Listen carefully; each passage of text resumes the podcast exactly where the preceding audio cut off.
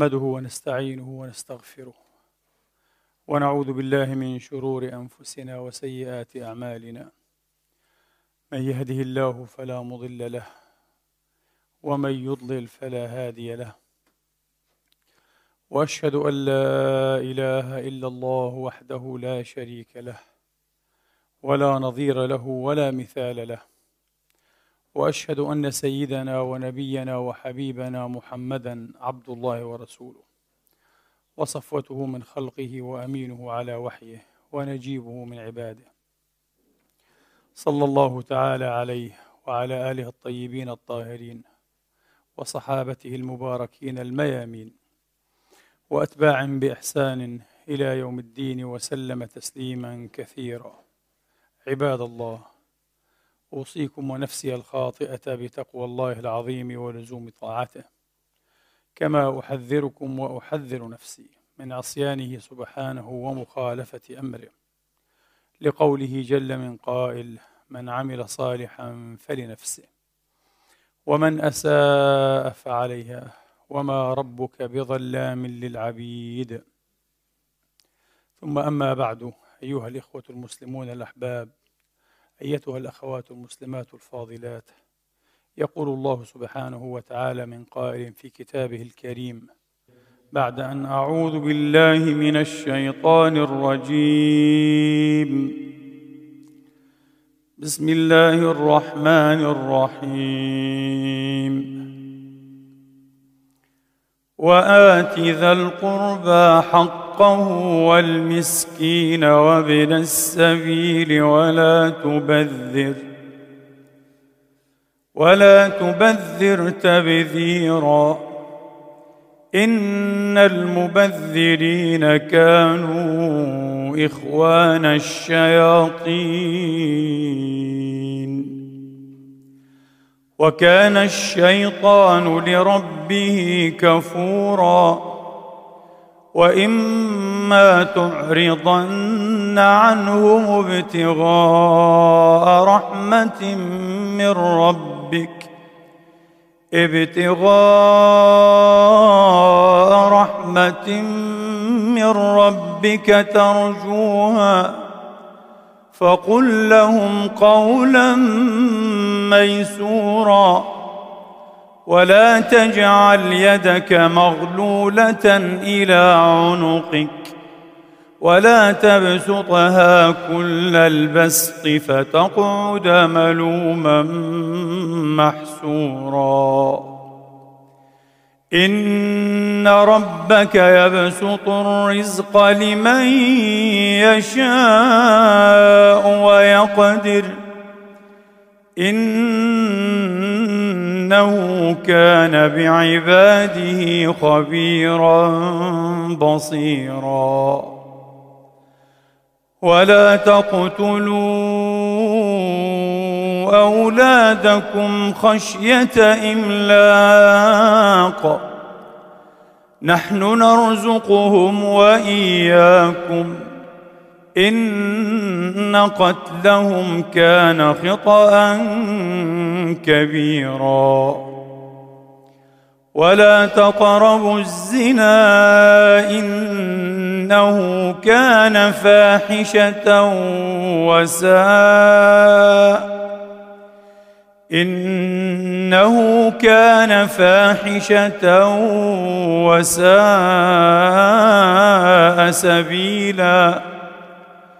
ولا تقتلوا النفس التي حرم الله إلا بالحق.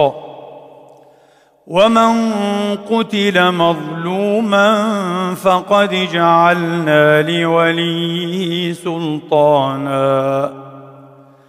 فقد جعلنا لوليه سلطانا فلا يسرف في القتل.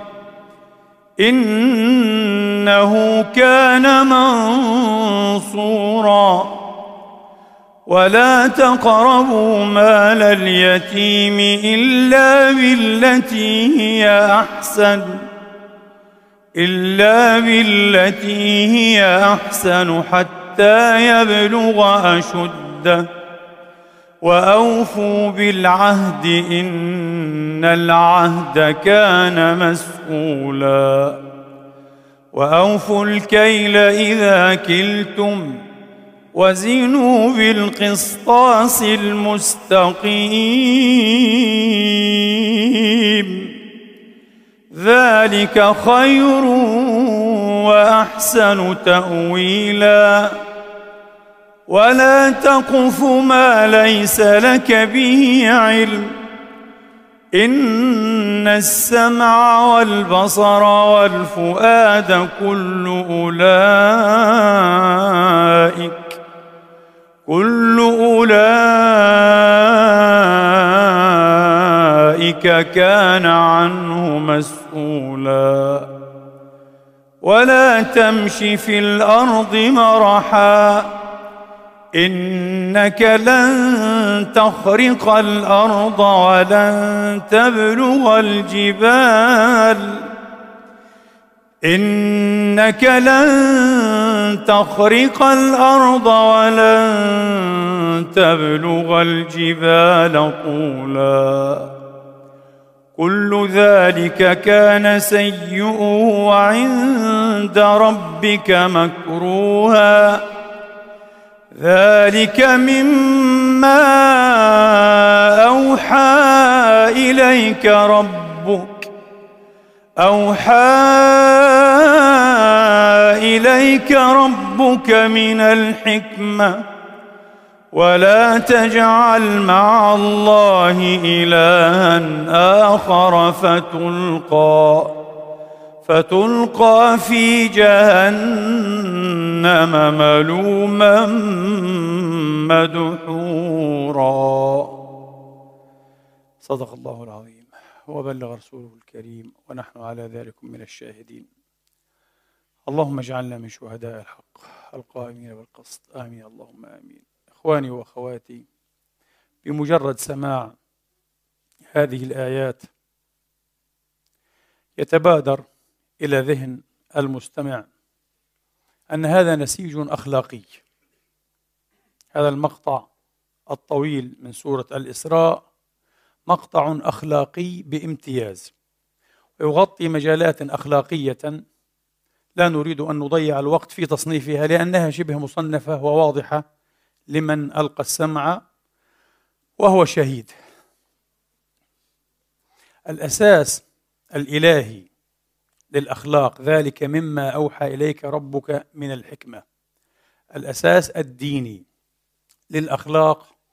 مسألة لم تعد مسلمة في العصر الحديث.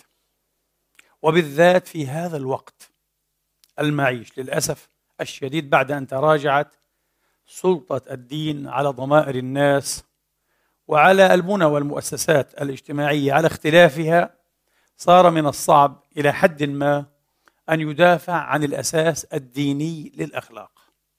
رغم أن بقية من الفلاسفة على أن بعضهم ملاحدة مثل كارل بوبر يؤكدون أن الأساس الرئيس للأخلاق هو ديني بامتياز وليسوا يشكون في هذا. والمسألة معقدة جدا أيها الإخوة والأخوات وبالحري لا يمكن أن يكون مقام خطبة جمعة ظرفا مناسبا لتناولها بالطريقة اللائقة. لكن باختصار نريد أن نمس جوانب يسيرة منها لعلنا ننتفع بها في حياتنا وفي مسالكنا. لأننا أيها الإخوة ليس يخفى علينا أعتقد جميعا نعاني أيضا كمسلمين في هذه الحقبة في هذه اللحظة التاريخية من حياتنا وحياة أمتنا من انهيار أخلاقي مريع. وعلى جميع المستويات. لم يعد بوسع المسلم الآن أن يتبجح أو يفتخر كما كان يفعل قبل ثلاثين وأربعين سنة ليقول نحن أهل الأخلاق أو حتى نحن أهل الروح والروحانيات. لم يعد هذا ممكنا بالمرة للأسف الشديد لأننا نعاني هذا الكولابس أو الانهيار شبه التام للأسف الشديد في طبقات مختلفة. وفي مجالات مختلفة. حين أتحدث عن الطبقات أشير إلى الشرط البشري الوضعية البشرية. حين أتحدث عن المجالات أشير أيها الإخوة إلى ما يشبه أن يكون مجالات السلوك المختلفة. على كل حال كيف يمكن لنا أن نتناول هذه المسألة التي فرغت لتوي من وصفها بالمعقدة والمعقدة جدا بالمعقدة والمعقدة جدا؟ يكفي في البداية أيها الإخوة والأخوات أن نلفت أن نلتفت أولا ونلفت غيرنا إلى أن كل الذين يطعنون في الأساس والمهاد الديني الإلهي للأخلاق يتورطون بطريقة أو أخرى في النسبية الأخلاقية. بلا شك النسبية الأخلاقية الآن مقبولة على نطاق واسع جدا في العالم خاصة في العالم الغربي. تكاد تكون هي العملة الرائجة الوحيدة. مذهب المطلق تقريبا طوى بساطه من حين ومضى إلى حيث لا يعلم إلا الله وربما نفر قليلون جدا من الفلاسفة وكبار المفكرين. النسبية الأخلاقية. النسبية الأخلاقية أيها الإخوة حين نتعمقها من الصعب أيضا أن ندافع عن أكثر ما دأبنا على الدفاع عنه من الأخلاقيات من قبيل حقوق المرأة وحقوق الطفل وحقوق الشعوب والأمم حقوق الإنسان بعامة أيها الإخوة من الصعب جدا لماذا؟ لأن معنى النسبية الأخلاقية وفي الحقيقة النسبية الأخلاقية أكبر روادها وأعظم الذاد عنها والمدافعين هم السوفسطائيون الأوائل هم السوفسطائيون الأوائل هم أكمل أكمل النسبيين. أكمل النسبيين هم السوفسطائيون الأوائل خاصة السفسطة العندية وليست العنادية العندية. يقول لك هذا عندك جميل عندي قبيح. عندك خير عندي إيه؟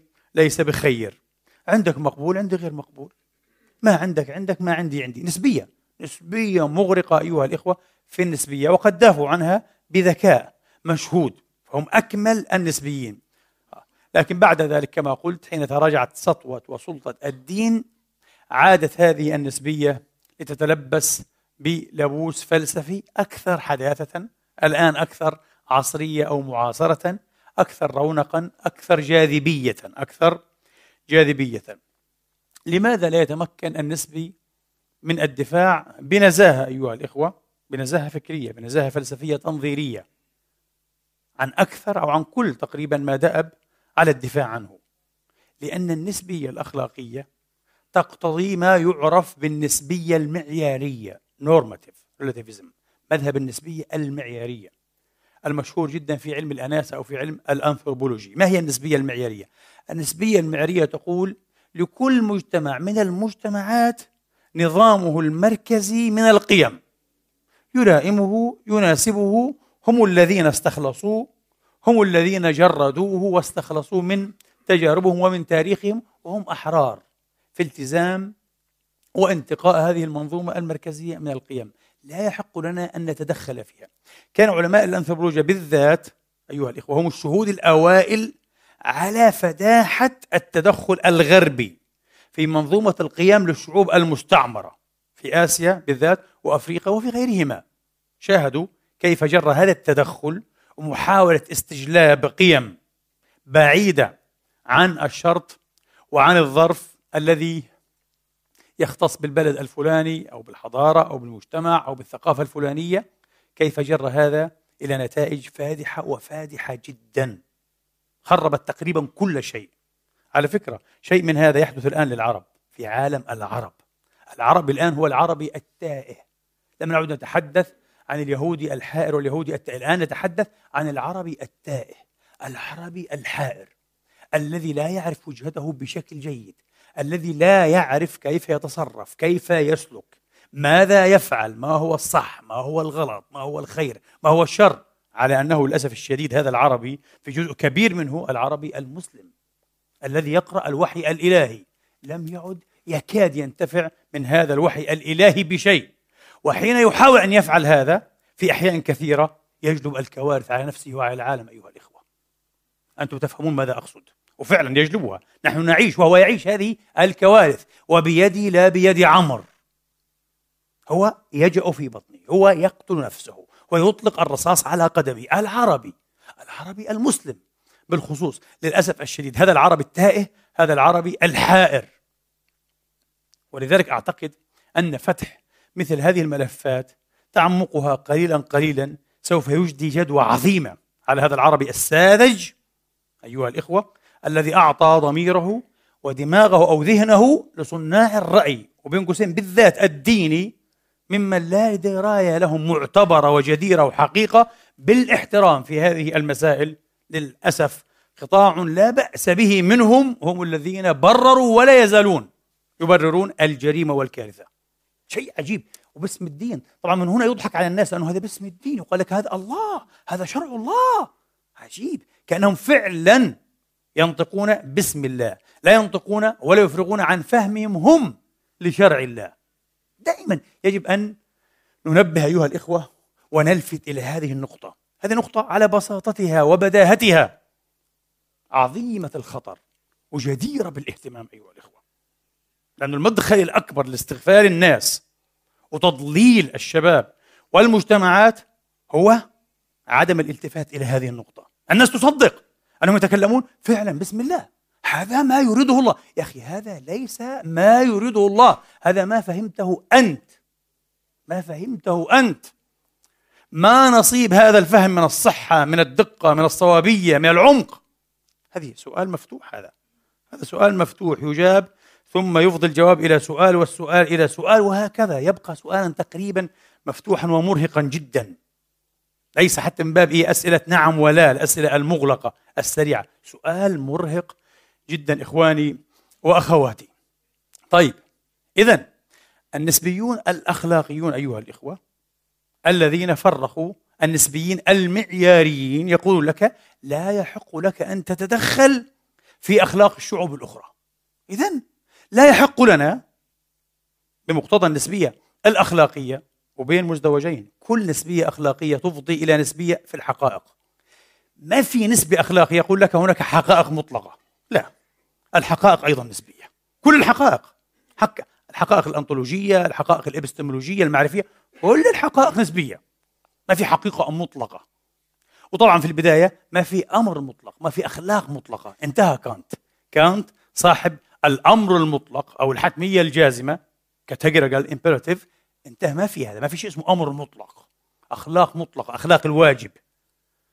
واجبات ينبغي عليك أن تطلع بها وأن تلتزم بها وأن تنجزها بغض النظر عن تبعاتها وعواقبها. حتى لو دمرتك لو أفقرتك لو أدت بك إلى الوفاة إلى أن تخسر كل شيء يجب عليك أن تقوم بها. كانت كانت صارم جدا أخلاقي لكن شكلاني جدا أيضا. يقول لك عليك أن تقوم بها لا لأنك تحبها. لا يعنيني أنك تحبها أو تكرهها. هي واجبات. اثنين عليك أن تقوم بها ليس لأن المجتمع يحبذها أو يريدها أو يصادق عليها. لا يعنيني هذا. تقوم بها فقط لأنها واجب. طيب لأن الله أرادها كانت تقول لك حتى هذا لا أقبله. ليس لأن الله أرادها ويثيب عليها. هذا لا يعنيني. أنت إنسان يقول لك بي. طبعا شكلانية مغرقة أيها الإخوة. طيب أنا أقوم بهذا الشيء وأسر به. يقول لك لا يعني أنك تصر أو تحزن. لكن إن قمت به لأنه يسرك فلست أخلاقيا. عجيب. لا ينبغي لك أن تقوم به لأنه يسرك لا. تقوم به لأنه واجب. العقل يقول واجب. قد تكرهه لكن قم به. أنت أخلاقي الآن. أنت أخلاقي. ولذلك وقف الفيلسوف شيلر يعتب ويسخر من هذه الروح الكانطية الشكلانية. يقول شيلر معروف طبعا فيلسوف الجمال الرائع الكبير يقول أحب من كل قلبي أن أزدي معروفا إلى جاري لكنني أجد سرورا بالغا في نفسي بسبب هذا الفعل. ومن هنا ينبغي علي أن أخشى على أخلاقيتي. لست أخلاقيا يسخر من كانت. يقول طبيعي أن نفعل الأشياء الطيبة بروح محبة. وأن نحب هذا الشيء وأن نسر. كانت يقول لا مكان للأخلاق إيه؟ للعواطف للمشاعر في نظام الأخلاقي. طبعا هذه الأخلاقية الصارمة العالية انتهت بالكامل. مستحيل. يسخر منها الآن. يسخر منها تماما. يسخر منها تماما. آه. ويقال طبعا لكل مجتمع أخلاقه والظروف. هذه العلوم الاجتماعية. تعلمون كيف دور العلوم الاجتماعية بالذات وحتى علم النفس. علم النفس وعلم الاجتماع سوسيولوجي وعلم الأنثروبولوجيا وغيرها. كل هذه العلوم ساهمت والنظرية الماركسية طبعا ساهمت في تفهيم الناس أن الأخلاق وليدة الاتفاق المجموعي وليدة الظروف أيضا وليدة الظروف في الأخلاق الماركسية وليدة الطبقات المسيطرة. هناك أخلاق برجوازية أخلاق رأسمالية. حين يصير المجتمع مجتمع العمال الطبقة الكادحة بروليتاريا حينئذ هناك اخلاق هي الطبقة الكادحة. هكذا. ما في أخلاق للكل ما في أخلاق شمولية مش صحيح. الأخلاق طبقية هكذا يفكر الماركسيون. دوركايم نفس الشيء. شيء خطير هذا. بعض الناس يراه علميا هذا منهج وضعي علمي. لا لا. هذا خطير جدا. اذا لا يحق لنا أيها الإخوة بهذا المنطق النسبي أو النسبوي المغرق في النسبية الذي لا يعترف إلا بالنسبية فقط فيصبح نسبويا لا يحق لنا أن نستنكر أخلاق في أعصار سابقة على خلفية الآن. على خلفية ما جد في الباب. مثل الرق مثلا ممنوع. لا تقول الرق شيء سيء. كيف شيء سيء؟ لا لا. كان شيئا حسنا في ظرفه في زمانه في مجتمعات معينة فهو حسن لهم. أنت ترى أن الرق سيء في مجتمعك؟ في مجتمعك سيء. لا تقول في ذلك المجتمع كان سيء ممنوع. طب التعذيب تورتشر تعذيب. محاكم التفتيش. كل صنوف التعذيب العصور الوسطى اشتهرت. بالتعذيب أيها الإخوة. المسيحية بالذات. أقل منها بكثير. الإسلامية طبعا بكثير حقيقة. ممنوع أن تعترض على هذا. هذا الشيء كان يوافق عليه. كان المجتمع يقبله رجال الدين يقبلونه الكنيسة والمجتمع بشكل عام يقبله المجتمع كان يشارك في حفلات الباربكيو البشرية هذه. خوزقة الناس على خوازيق وحرقهم على ال stakes ها؟ المجتمع كان ويهلل ويبارك هذا الشيء. لا يحق لك أن في العصر الحاضر في اللحظة المعيشة لا يحق لك أن تستنكر أوضاع المراه مثلا في العالم الثالث. ممنوع يقول لك لا. هذا ممنوع نسبية معيارية. هذا يناسبهم فليناسبهم. نحن لا يناسبون هذا الشيء. لكن هذا لا يعطينا الحق أن نقول نحن على صواب مطلق هم على خطأ. مسألة نسبية. عجيب. معناها تذهب كل دعوات التبشير بحقوق الإنسان كذا تذهب أدراج الرياح. هذه عبث. طبعا بحسب منطق النسبية المعريه هذه عبث. لا يحق لنا أن نتدخل. وطبعا نحن نشعر هنا أن هناك ثمة شيء. هو خاطئ غلط 100% أكيد في شيء غلط هنا. أكيد في شيء غلط أيها الإخوة والأخوات. محاولات النسبيين لإلباس نظريتهم لبوسا علميا انه هذا العلم نحن نصف description فقط نقوم بالوصف. كما توصف الحقائق الطبيعية الواقعية. هذه المحاولات أيها الإخوة محاولات تصدى لها آخرون وأثبتوا مقدار ما فيها من زيف وخطورة أيضا. مقدار ما فيها من زيف وخطورة. طبعا أول شيء هناك باب للنقد يتمثل في القول. ما هي حدود المجتمع؟ تعريف المجتمع ما هو المجتمع؟ الآن أنت يمكن أن تتحدث عن مجتمع مثلا قبل 500 سنة 600 سنة وخاصة في أوروبا بطريقة أسهل. مما تفعل الآن. لماذا؟ المجتمعات وخاصة قبل ثورة الإصلاح الديني كانت متجانسة إلى حد بعيد أليس كذلك؟ قالب واحد. قالب واحد يصب فيه الناس يفرغ فيه الناس. الدين الفكر التصور نفس الشيء الرؤية الكونية نفس الشيء. وما فيش مجال للمختلف لا يسمح. هنا في العصور الوسطى الأوروبية لا يسمح بالمختلف. وبعدين تعرفوا بعد ثورة الإصلاح الديني الحروب الحروب الدينية وملايين الضحايا لأنه لم يكونوا ليقبلوا بالاختلاف أصلا والمختلف كيف اليوم عاد؟ تأخذ عاصمة مثل لندن مثلا 340 لغة. عشرات إن لم يكن مئات الديانات والأفكار والثقافات. ما استعمل تقول لي ثقافة المجتمع الإنجليزي. شو ثقافة؟ شو هذا؟ لا لا لا ثقافات كثيرة جدا جدا. ما يسمى إيه بالثقافات؟ التحتية. الثقافات الفرعية السب كالتشرز يعني. الثقافات الفرعية. ثقافات كثيرة.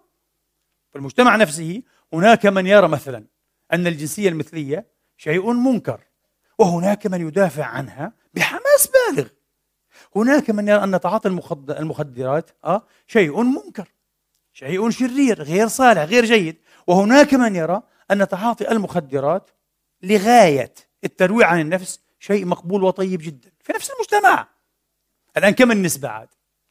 كم ينبغي أن تكون نسبة هؤلاء الذين يخرجون عن الخط العام المين ستريم يعني لكي يشكلوا مجتمعا. سؤال هذا مطروح في نطاق السوسيولوجيا علم الاجتماع. مسائل صعبة. في عاصمة تعد مثلا خمسة ملايين. إذا وجد لدينا مثلا ثلاث أربع مليون. أليسوا مجتمعا هؤلاء؟ ألا يشكلوا مجتمعا بطريقة ما؟ مسائل معقدة جدا.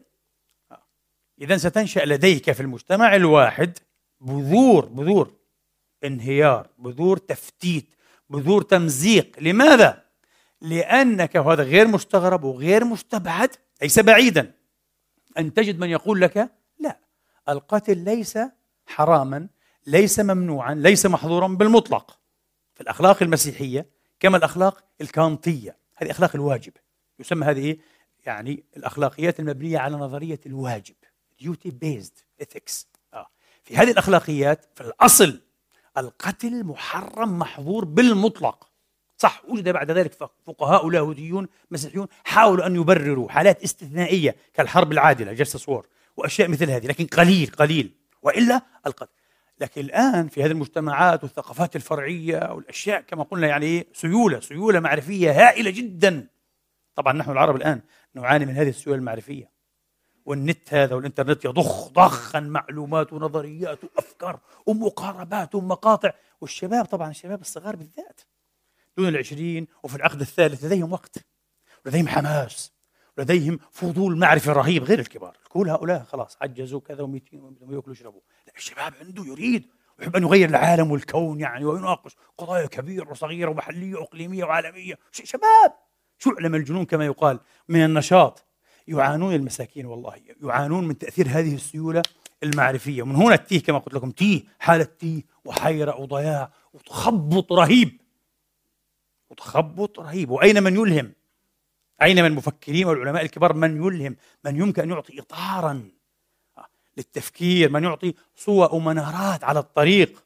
من يمكن أن ينخرط في هذه النقاشات العميقة مع الشباب أيضا. ويفتح عيونهم على ما ينبغي أن تفتح عليه. على كل حال إذا إخواني وأخواتي المجتمع يمكن أن يهدد بالانهيار الكامل لأنك لن تعدم من أبناء وبنات هذا المجتمع من يقول لك لا القتل ليس محظورا بالمطلق بالعكس. ويدخل لك من أشياء أيضا هي أشبه بالجدلية كالقتل الرحيم يثينج مثلا. يقول لك القتل الرحيم. مسألة فيها نقاش. ثم بعد ذلك آه، يتطرق به الأمر إلى أشياء أخرى أكثر وأكثر. وتظهر هذه النزعات. وتستند على إيه؟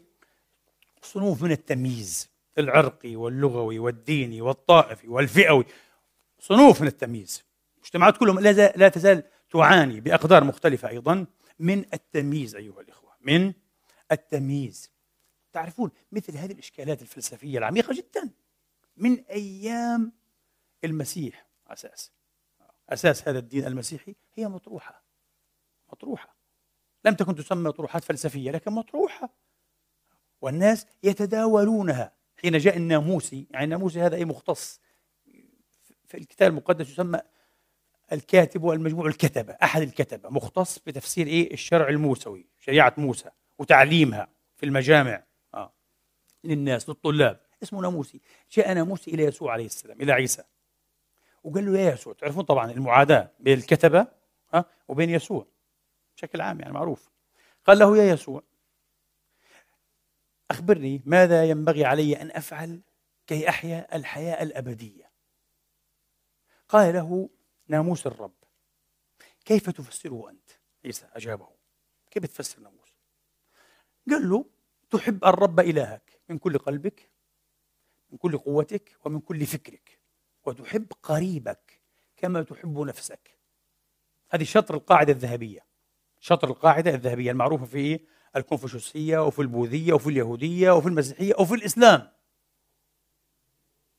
القاعدة الكاملة أن تحب لغيرك مش بس لقريبك لغيرك لبني البشر ما تحب لنفسك. وأن تكره لهم ما تكره لنفسك. آه، هذه قاعدة ذهبية وهي إحدى صور الأمر المطلق أو الحتمية الجازمة عند إيمانويل كانت. إحدى صورها. لها صور كثيرة. هذه إحدى صور الأمر المطلق الكانتي فقال هكذا فقال يسوع عليه السلام بالصواب أجبت. افعل هذا لتحيا بالضبط هو هذا. تريد الحياة الأبدية؟ هو هذا. جميل جدا هذا الجواب طبعا. يسوع يقول طريق الحياة الأبدية مش الصفصفات اللاهوتية. والقرآن مخلوق ومش مخلوق وصفات الله هي ذاته أو غير ذاته أو هي مش هذا. طريق الحياة الأبدية طريق النجاة مثل ما قال تعالى تبارك وتعالى تؤمن بالله وتعمل ماذا؟ صالحا. إن الذين آمنوا والذين هادوا والنصارى والصابئين من آمن بالله واليوم الآخر وعمل صالحا. القرآن قال هذا فلهم أجرهم عند ربهم ولا خوف عليهم ولا هم يحزنون مش بالعناوين واليافطات وبالسفسطات اللاهوتية وتشقيق الكلام في عويصات مسائل الاعتقاد ليس هذا. عمل الصالحات إنما بعثت لأتمم مكارم الأخلاق فقال يسوع هذا الطريق هذا طريق الحياة الأبدية لكن هذا الناموسي ها عالم إسرائيل عالم يهودي هذا متعمق من أعداء يسوع أراد أن يحرج يسوع على عادتهم وأن يحاصره بالأسئلة فماذا قال له؟ مثل ما سألنا قبيل قليل عن المجتمع ما المجتمع؟ ما المجتمع؟ سؤال كبير جدا هذا هناك كتابات ألوف الصفحات أنا لدي كتاب أكثر من ألف صفحة اسمه ما المجتمع فقط أبحاث لكبار علماء السوسيولوجيا في محاولة تعريف وإعادة تعريف المجتمع. مسائل معقدة جدا. ليس كما تبدو لأول وهلة فقال له من هو قريبي يا يسوع الذي علي أن أحب له كما أحب لنفسي؟ من هو قريبي؟ نفس السؤال إذا من هو قريبي؟ ليه؟ لأن المسألة مسألة الفصل خطوط الفصل مسائل التمييز. كل مسائل التمييز هي مشكلة أخلاقية يا إخواني. مسائل التمييز طبعا. الآن لا تعدم من المسلمين طبعا كما من المسيحيين واليهود وأتباع الديانات. من يحاول أن يكون جيدا جدا مع أهل دينه؟ ولكنه ربما يتعبد الله بالإساءة إلى غير إيه؟ أهل دينه. يظن هذا من الدين. ومستحيل طبعا. ستشعر أنت في عمقك إذا كنت إنسانا أخلاقيا ستشعر في عمقك أن في هذا المسلك وفي هذه الطريقة من التفكير والسلوك شيئا أن شيئا غير أخلاقي فيه. أليس كذلك؟ أن شيئا تبرأ منه روح الدين. دين رب العالمين مش رب المسلمين أو المسيحيين أو اليهود أو البوذيين رب العالمين. تشعر فيه هنا شيء مش كما ينبغي ليس في مكانه كما يقال ليس في مكانه. على كل حال هذه خطوط الفصل والتمييزات دائما تحدي للأخلاقية والأخلاقيات. قال له إذا من هو قريبي؟ الذي علي أن أحب له كما أحب لنفسي. شوف هذا أسلوب يسوع نبي هذا. عنده طريقة في التعليم مذهلة جدا جدا.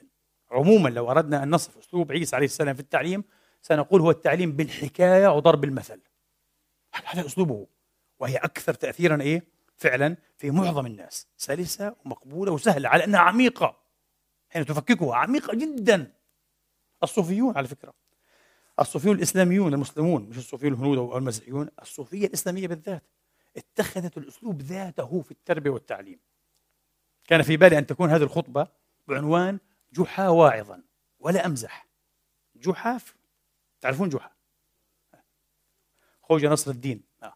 جحا أو الشيخ نصر هذا في التراث الإسلامي هو شخصية صوفية على فكرة. مش شخصية هزلية ومسخرة لا لا شخصية صوفية.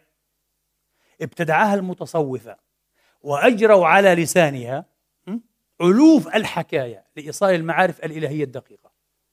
ومعظم ما تسمع من نكات هي في الحقيقة ليست نكاتا هي تدريبات وإضاءات واستبصارات عرفانية من أعلى مستوى. طيب قال له يسوع عليه السلام حكى له حكاية. قال له ذات مرة يا ناموسي كان رجل يهودي. هذا يهودي الناموسي. قال له زيك من قومك من شعبك.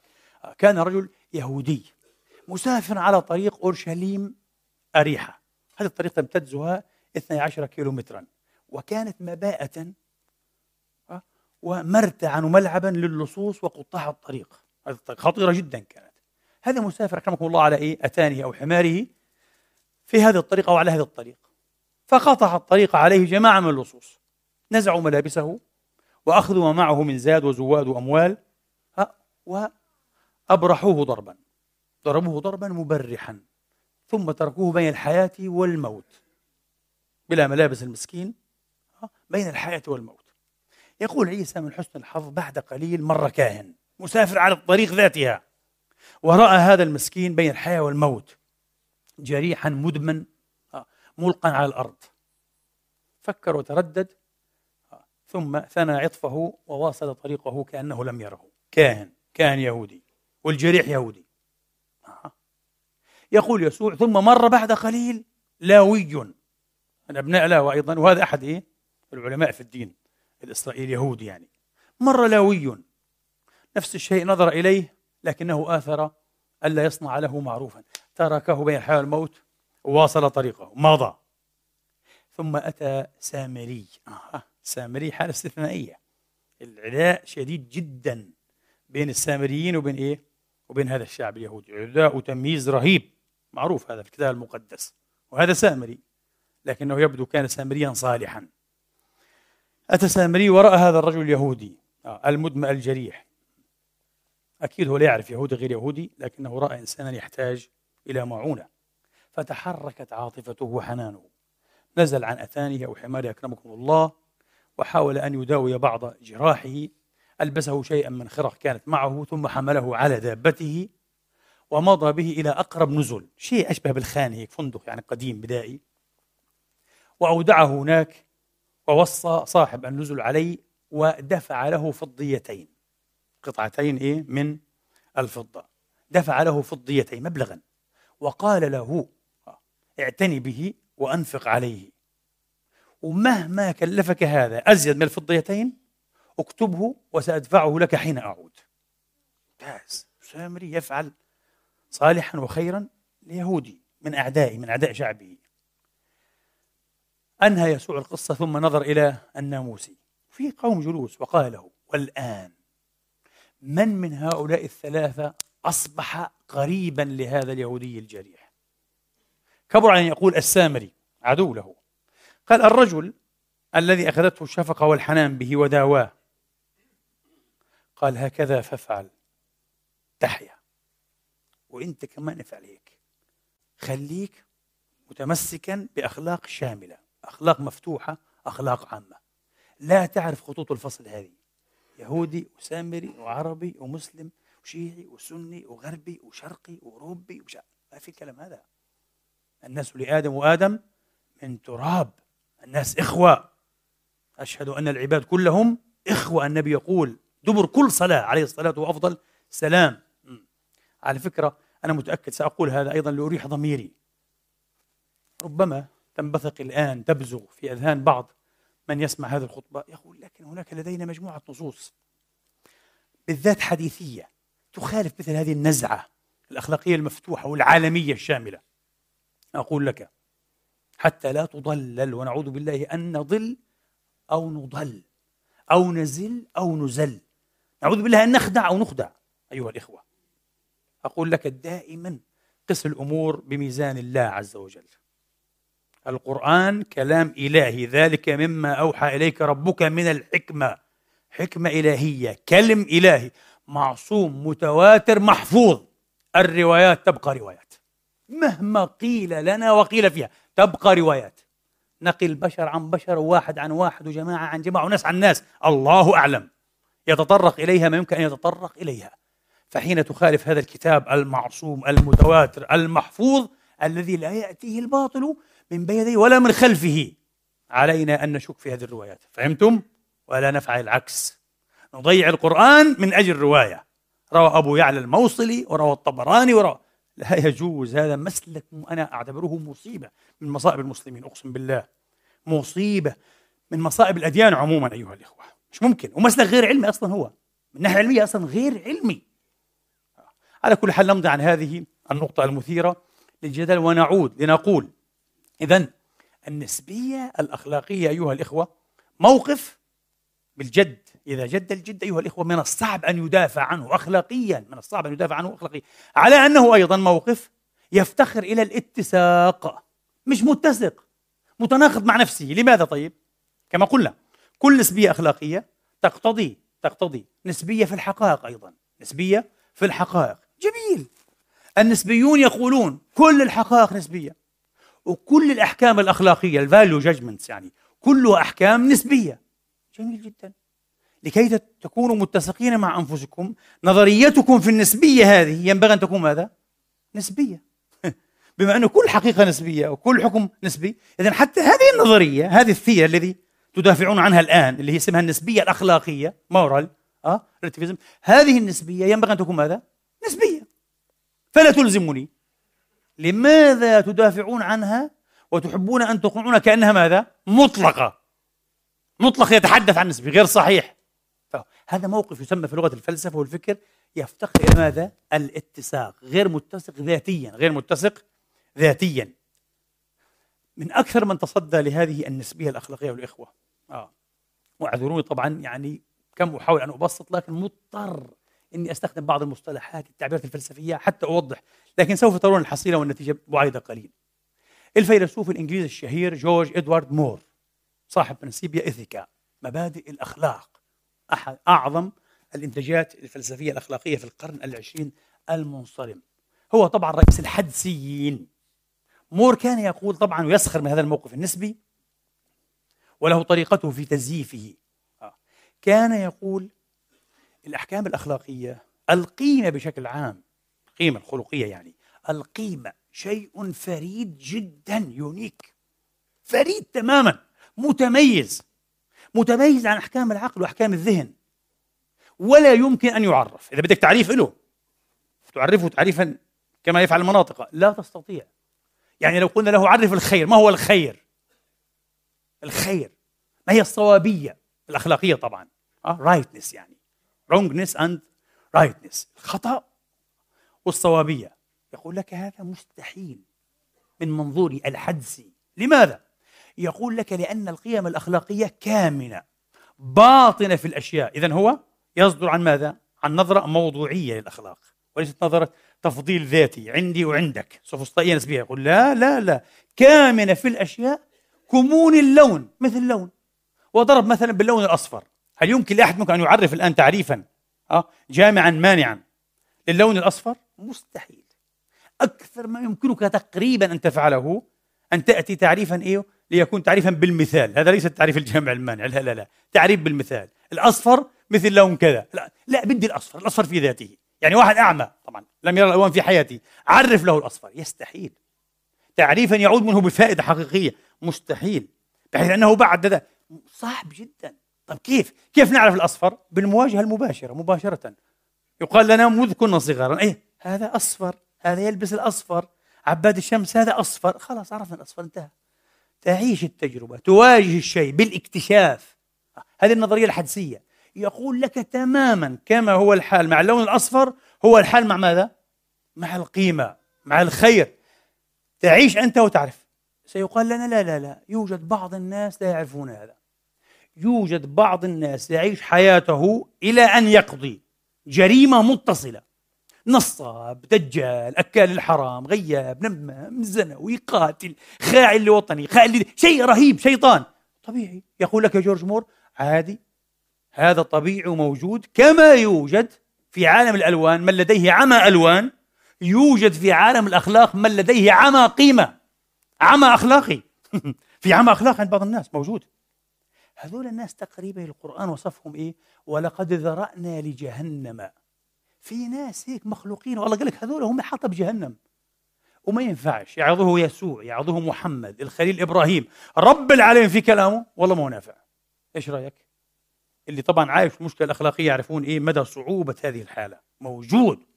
في علم النفس يسمى هذا الشخص السيكوبات. الشخص المضاد للمجتمع. هيك بسموه.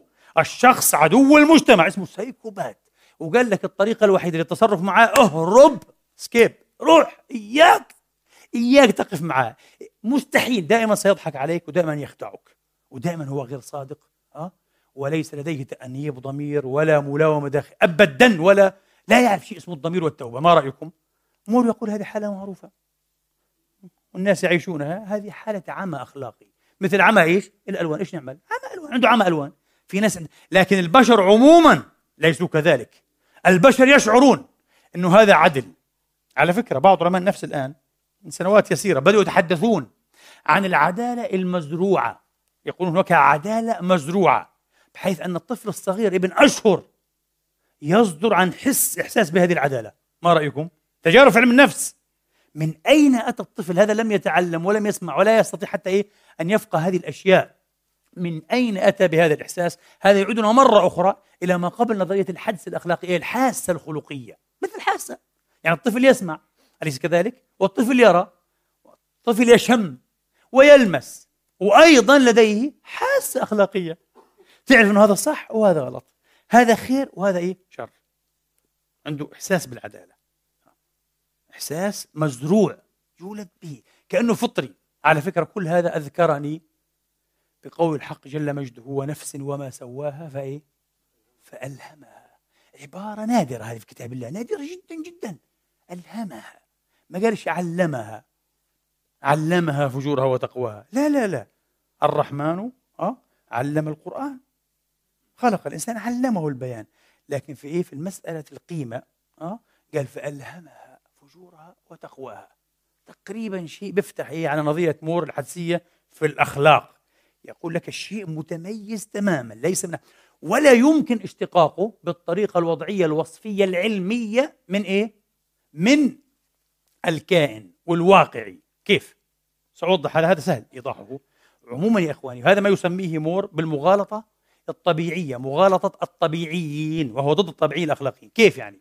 يعني يقال لك مثلا الناس يجدون أن كل ما يبعث على اللذة والسعادة هو شيء صالح هو شيء خير. حتى طبعا هناك مذاهب الهيدونيزم يعني آه، مذهب اللذة أو اللذائذية. هؤلاء يرون أن الغاية الأسمى والخير الأسمى والخير إيه؟ الأبعد هو ماذا؟ السعادة أو اللذة. طبعا في اللذة الأخلاقية أو مذهب السعادة الأخلاقية ومذهب إيه؟ السعادة أو اللذة النفسية. قصة. يقولون مثلا معظم الناس على الإطلاق يرون أنه هذا هو الخير. شيء يجب على فكرة هذه النظرية موجودة في التراث الإسلامي. عند الغزالي وعند مسكويه وعند آه، ابن حبان البستي كل وعند الماوردي. كل من كتب تقريبا في الأخلاق تكلم عن موضوع إيه؟ السعادة واللذة واستجلاب اللذة ودفع الألم ودفع الألم. وتتطور هذه النظرية مع النظرية النفعية utility نفعية utilitarianism آه. بنثم ومل طيب يقول لك ال الناس يرون أنه هذا إيه؟ هو خير. اللذة ودفع الألم خير. يقول لك مور ما علاقة هذا بهذا. ما علاقة أن الناس يجدون آه. أن اللذة شيء آه يقبلونه يرغبون فيه وبين أن اللذة خير وليست شرا. كيف عبرتم الهو بين ما هو كائن يعني إز وبين ما ينبغي أن يكون؟ لأن الأخلاق كلها إيش هي؟ ما ينبغي أن يكون. الأخلاق افعل ولا تفعل. عليك أن تفعل كذا. نظام من الواجبات والإلزامات أليس كذلك؟ والإرشادات القيمية. هذا أوت هذا مش إز أوت يعني ينبغي لازم.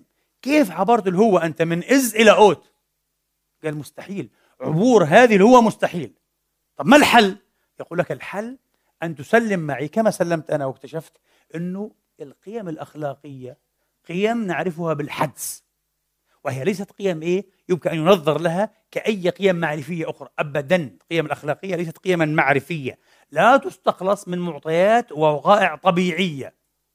من إز إلى أود قال مستحيل. هذا هنا هو لا تردم. وهي يسميها مغالطة إيه؟ مغالطة المذهب الطبيعي وعنده قصة في تفنيدها قصة طويلة. أيضا هذا مرة أخرى يذكر بقوله فألهمها فجورها وتقواها. تعرف هذا وكفى. واضح أنك تشعر بأن هذا صحيح. وهذا غير صحيح. طب المفتي أفتاني. إيه أفتاك المفتي؟ وقال لك حلال. وخذ هذا الشيء. والقاضي بعدين. راح خصمك قاضاك والقاضي قضى إيه؟ قضى لك. على خصمك. قل لي بربك. في الداخل أنت. ما إحساس وتقول لي غير مطمئن. صح. الأخلاق فألهمها. فجور. وتقواها. تشعر. والنبي أشار إلى هذا. النبي أشار إلى هذا. وقال لك. ولذلك لا أقسم بيوم القيامة ولا أقسم بالنفس اللوامة ويا ويل أمة يا ويل أمة تربي أبنائها وأجيالها على إسكات وتصميت وإنامة الضمير وصوت الضمير من أجل من أجل أن نخضع لماذا؟ لأحكام القانون والفقهاء والقضاة في شيء اسمه ضمير من قبل ومن بعد أليس كذلك؟ وهو الذي ينبغي أن يوجه الجميع بما فيهم الفقهاء والقضاة وإن خانوا هم ضمائرهم أنا حتى كخصم في القضية ينبغي ألا أكون ماذا؟ ضميري. ينبغي أن أكون وفيا بدرجة أولى لضميري. ضميري أنا إنما الأعمال بالنيات وإنما لكل امرئ ما نوى. هذه الأخلاق الدينية هذه الأخلاق الدينية.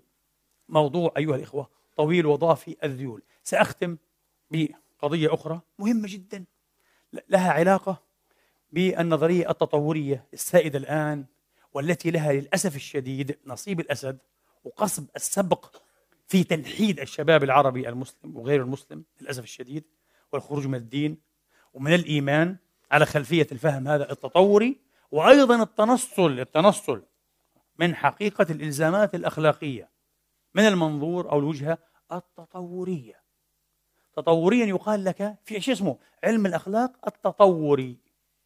علم النفس التطوري إيش يقول لك؟ يقول لك كل الأخلاق هذه التعاطف، الرحمة، الكرم، التسامح، الكذا، الكذا، كل هذه كلها خدع خدعتنا بها جيناتنا الجينات فقط نوع من الخدع.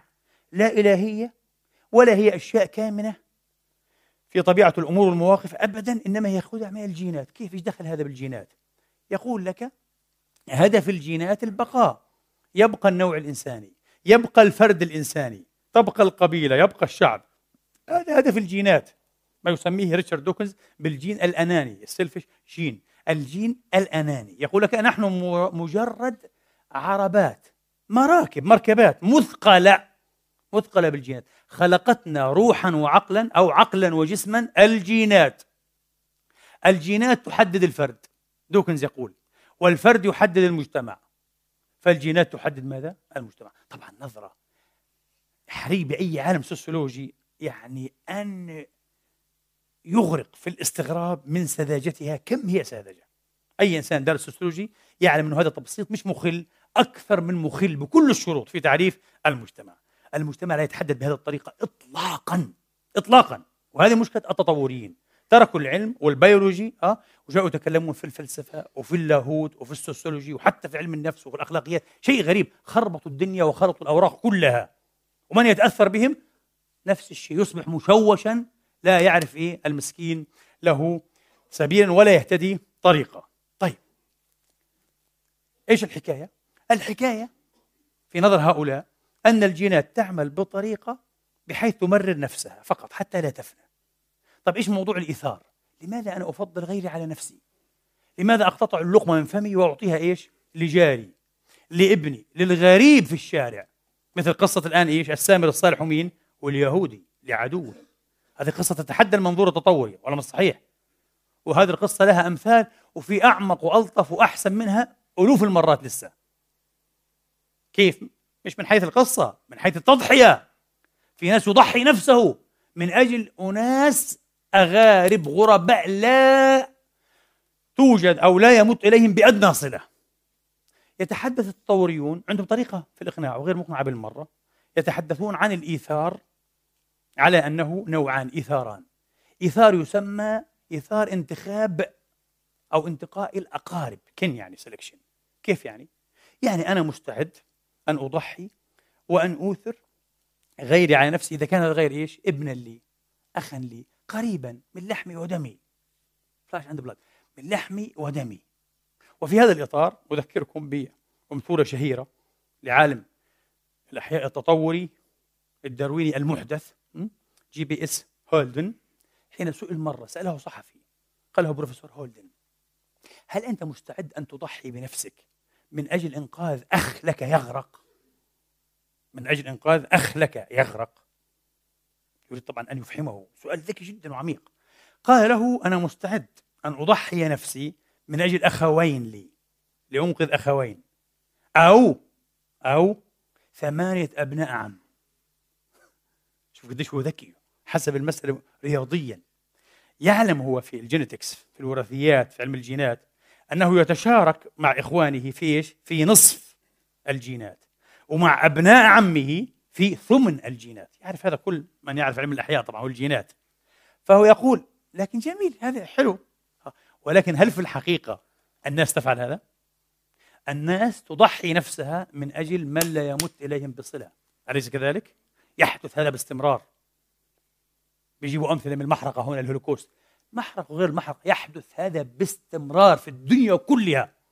بشر يضحي نفسه من أجل طفل غريب عنه لغة ولونا ودينا ويضحي نفسه. أليس كذلك؟ كيف يفسر التطورون الماديون والملاحدة؟ هذه الحالة. الذين يصدرون عن منطق الأخلاق التطوري كيف يفسرون هذه الحالة العجيبة؟ طبعا يأتي ريتشارد دوكنز صاحب الكتاب الجيل الأناني أكثر من دافع عن هذه النظرية. آه، العجيبة يأتي لكي يقول وطبعا أنا شعرت هنا بنوع من العجز ونوع من اليأس ونوع من الاستسماح. كانه يستسمحنا يقول بغير هذا الاستثناء اقبلوا نظريتي على أنها متماسكة وقوية. بالعكس هذا يضرب نظريتك في الصميم. وجميل أنك إيه أقررت بهذا الاستثناء. قال يوجد استثناء كبير. big يقول big exception استثناء كبير يتمثل في أن الوعي لدى الإنسان جعله يجتاز ويتعالى على إملاءات جيناته الأنانية. آه هذا اللي بدنا هذا اللي بنقوله إحنا. هذا اللي بنقوله تماما. وبنأكد باستمرار أن الإنسان من منظور ديني وإلهي هو إيه؟ نشأة أخرى وخلق آخر. قال عز من قائل أه؟ ثم أنشأناه خلقا آخر. فتبارك الله أحسن الخالقين. حدثنيش عن جينومي وقديش بتشبه مع الشمبانزي ومع الأورانغوتان. مش هذا اللي بهمني. بهمني في عندي أنا هذه إيه؟ الأوسنامات هذه هذه الاستثناءات التي جعلتني بالفعل خلقا آخر. أتحدى كل هذه المقاربات إيه؟ المادية والإلحادية. مقاربات مخيفة عجيبة. طبعا هذا يحتاج أيضا إيه؟ إلى إسهاب. إيش هذه الاستثناءات؟ هذه تحتاج إلى محاضرة نتحدث عنها. ما هي الاستثناءات في عالم الإنسان؟ التي تتحدى كل مقاربة مادية واحدية بسيطة ومغلقة هو اعترف بهذا اعترف بهذا. والسؤال لم يقدم جوابا. قدموا مقاربتين يحاولون أن يجيبوا عن هذا التحدي الكبير. التحدي الكبير. يقولون طبعا في الإثار الثاني آه إذا في إثار إيش؟ انتخاب الأقارب. آه هذا فاشل كما قلنا. وفي الإيثار التبادلي يعني حك لي لأحك لك. احمل عني عشان إيه؟ أحمل عنك. هي دي. آه هذا اسمه الإيثار إيه؟ التبادلي. نوع من المقايضة. نوع من مقايضة إيه؟ المنافع. انفعني بنفعك. قدم الخميس بعطيك الجمعة. واضح؟ إيه هذا هو. إذا لدينا إيه نوعان من الايثار بعض الناس كما قلت لك حتى هذا الايثار التبادلي كلام فارغ لا يفشل. يفشل تماما وخاصة مع الأخلاق الدينية. كلما فكرت أحاول أحاول وأقرأ وكذا ولا يمكن لم أفلح والله العظيم لحظة واحدة أن أعثر على بديل للأخلاق الدينية الإيمانية الصحيحة المؤسسة على إيمان مش إيمان رياء وإيمان نفاق وإيمان طقوس.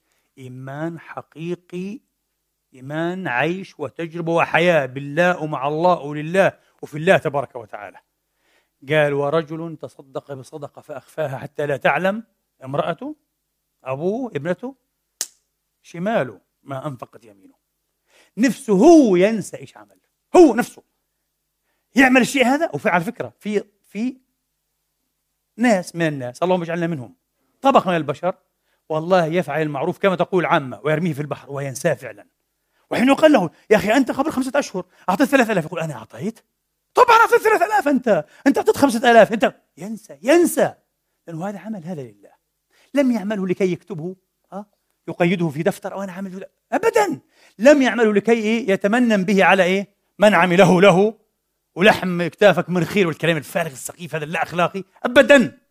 إنما نطعمكم لوجه لا نريد منكم جزاء ولا ولا شكر حتقول لي من لا يشكر الناس؟ صحيح إذا هو ما شكرش هو جاحد بس أنا ما يهمنيش لا شكره ولا جحوده إن شكر شكرت له شكره وإن لم يشكر أنا لم أفعل لكي يشكر أنا فعلت لله. لذلك في حديث عند الترمذي الحديث العظيم هذا يهز والله حديث يهز. لما خلق الله تبارك وتعالى الجبال الملائكة يا رب هل هناك ما هو أقوى من الجبال؟ قال طبعا هناك ما هو أقوى من الجبال. تعرفوا الوقت آه. الحديث. ثم بعد ذلك ما هو أقوى؟ من الكل من الجبال ومن الماء ومن النار ومن الريح. أقوى شيء لهم ابن آدم المؤمن. أقوى قوة خلقها الله في الكون كله مش في الأرض في الكون. مش الملائكة ب 500 جناح جبريل لا ابن آدم. ليش؟ في إيش أقوى؟ في العدو في الشم في الحواس في القوة في الحمل لا ولا في شيء. في العقل في الذكاء لا مش في هذا.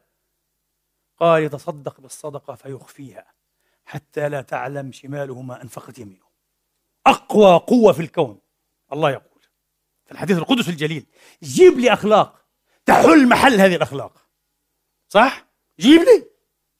جيب لي أخلاق بلا إله ها؟ تكون مثل أخلاق كانت.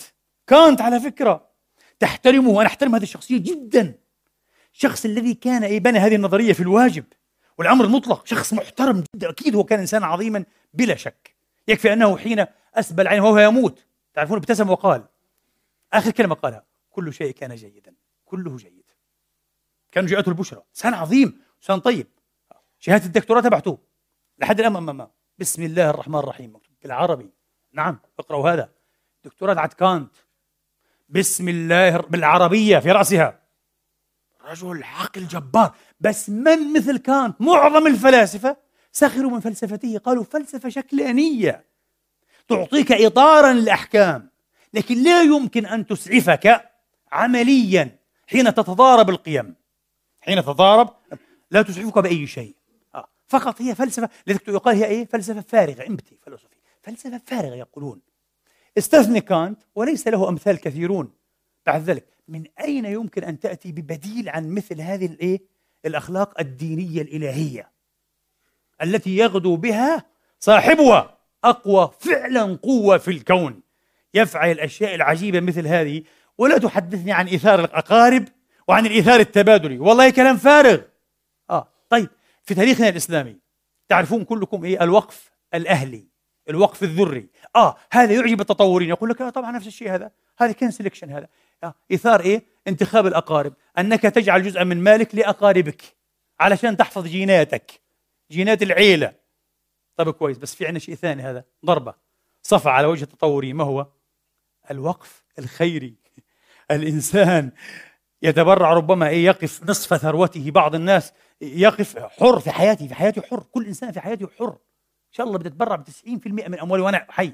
بعد وفاتي ممنوع الوصية بالثلث فقط بس في حياتي بدي أعمل وقف وهذا حدث. الوقف بنى الحضارة الإسلامية. معظم حضارتها بناها إيه؟ الواقفون بأوقافهم. الجامعات والمدارس والمشافي. شيء عجيب.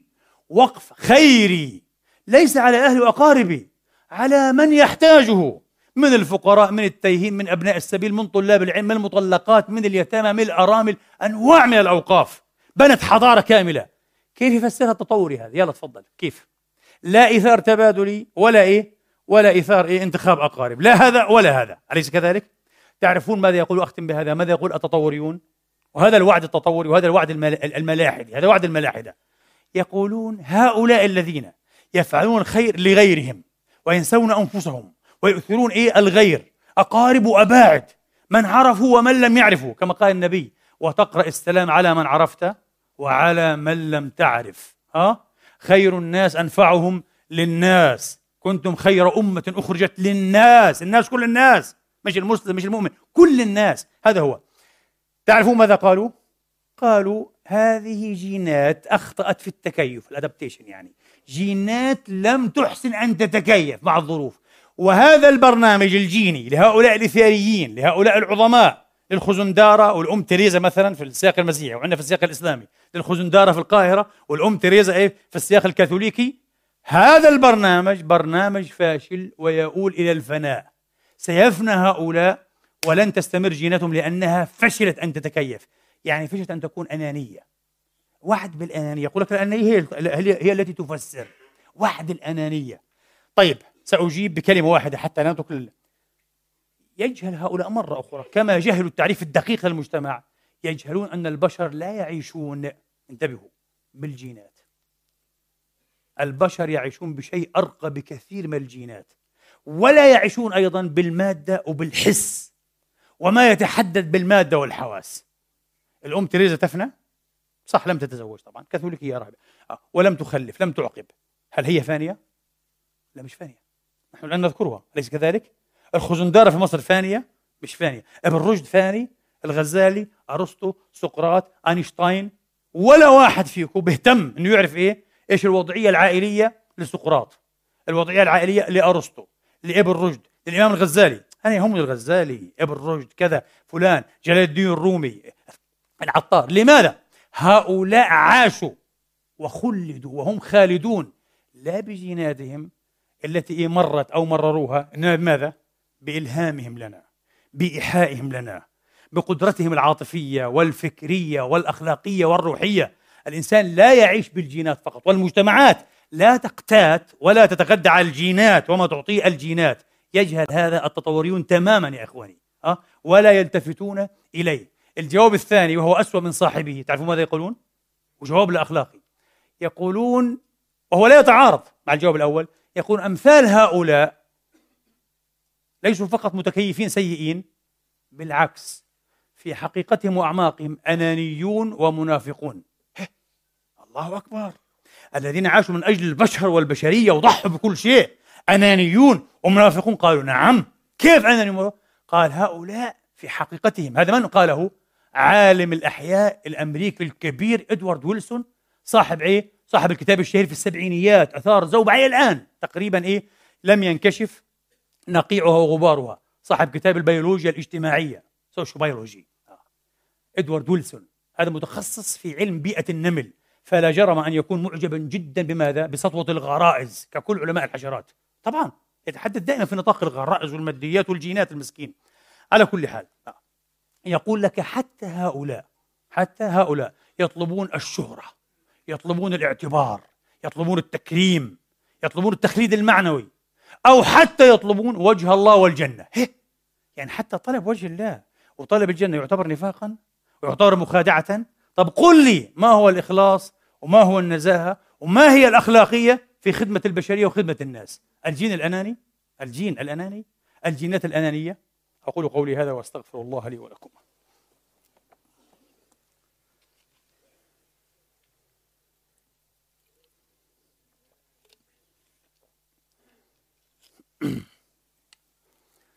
الحمد لله.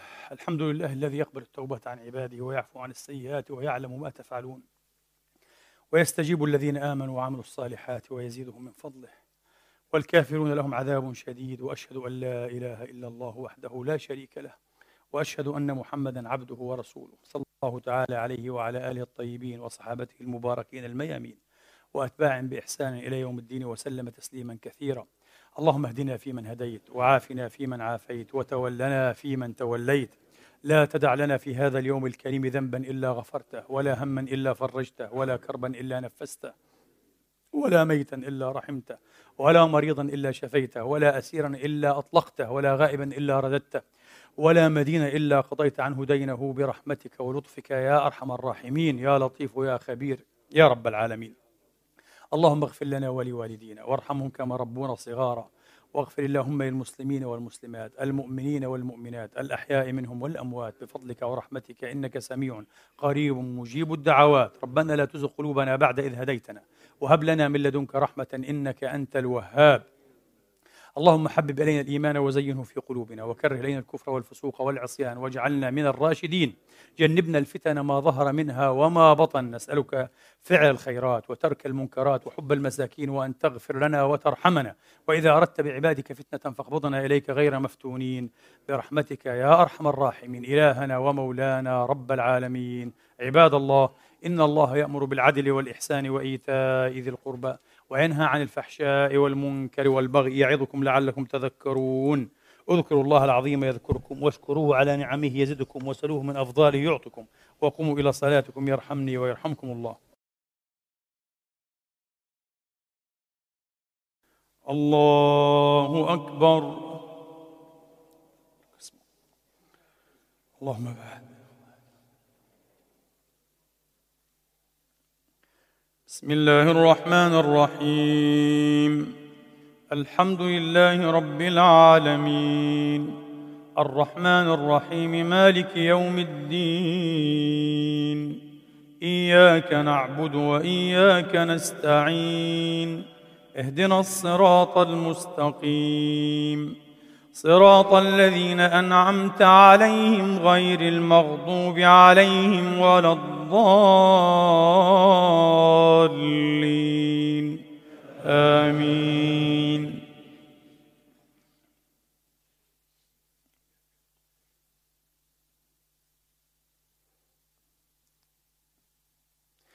بسم الله الرحمن الرحيم.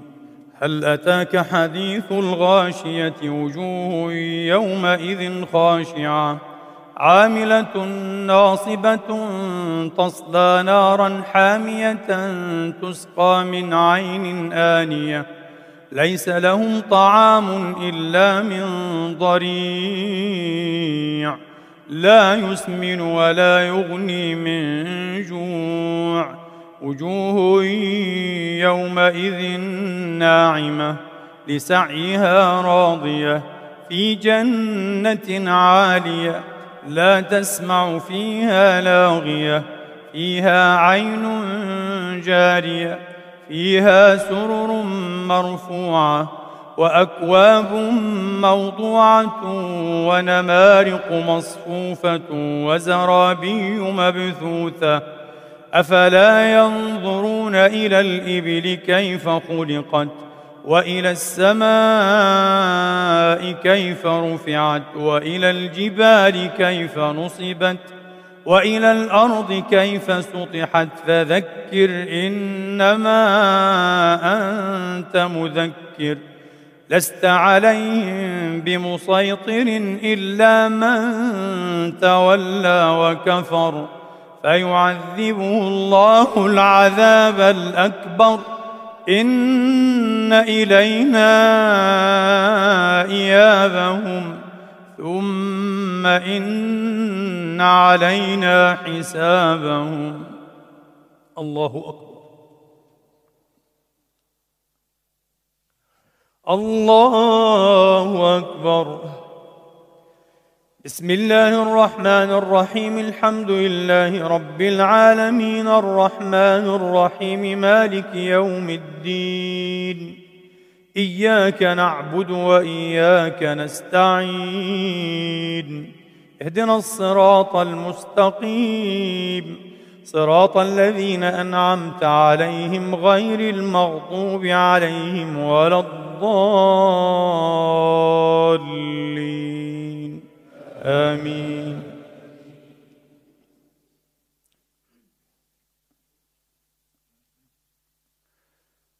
بسم الله الرحمن الرحيم.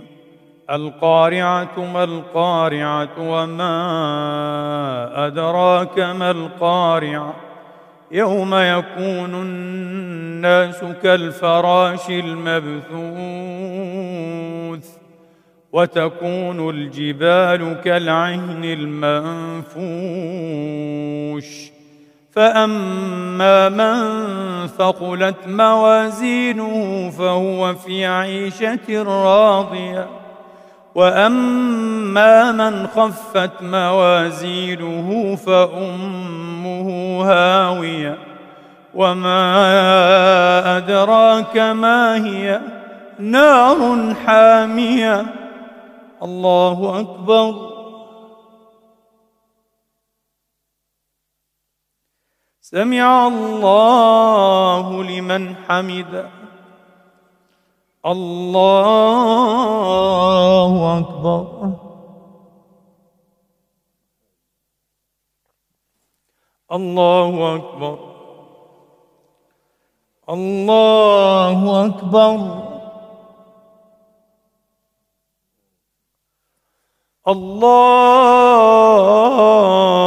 الله أكبر السلام أشهد أن لا إله إلا الله اللهم صل على محمد وبارك على محمد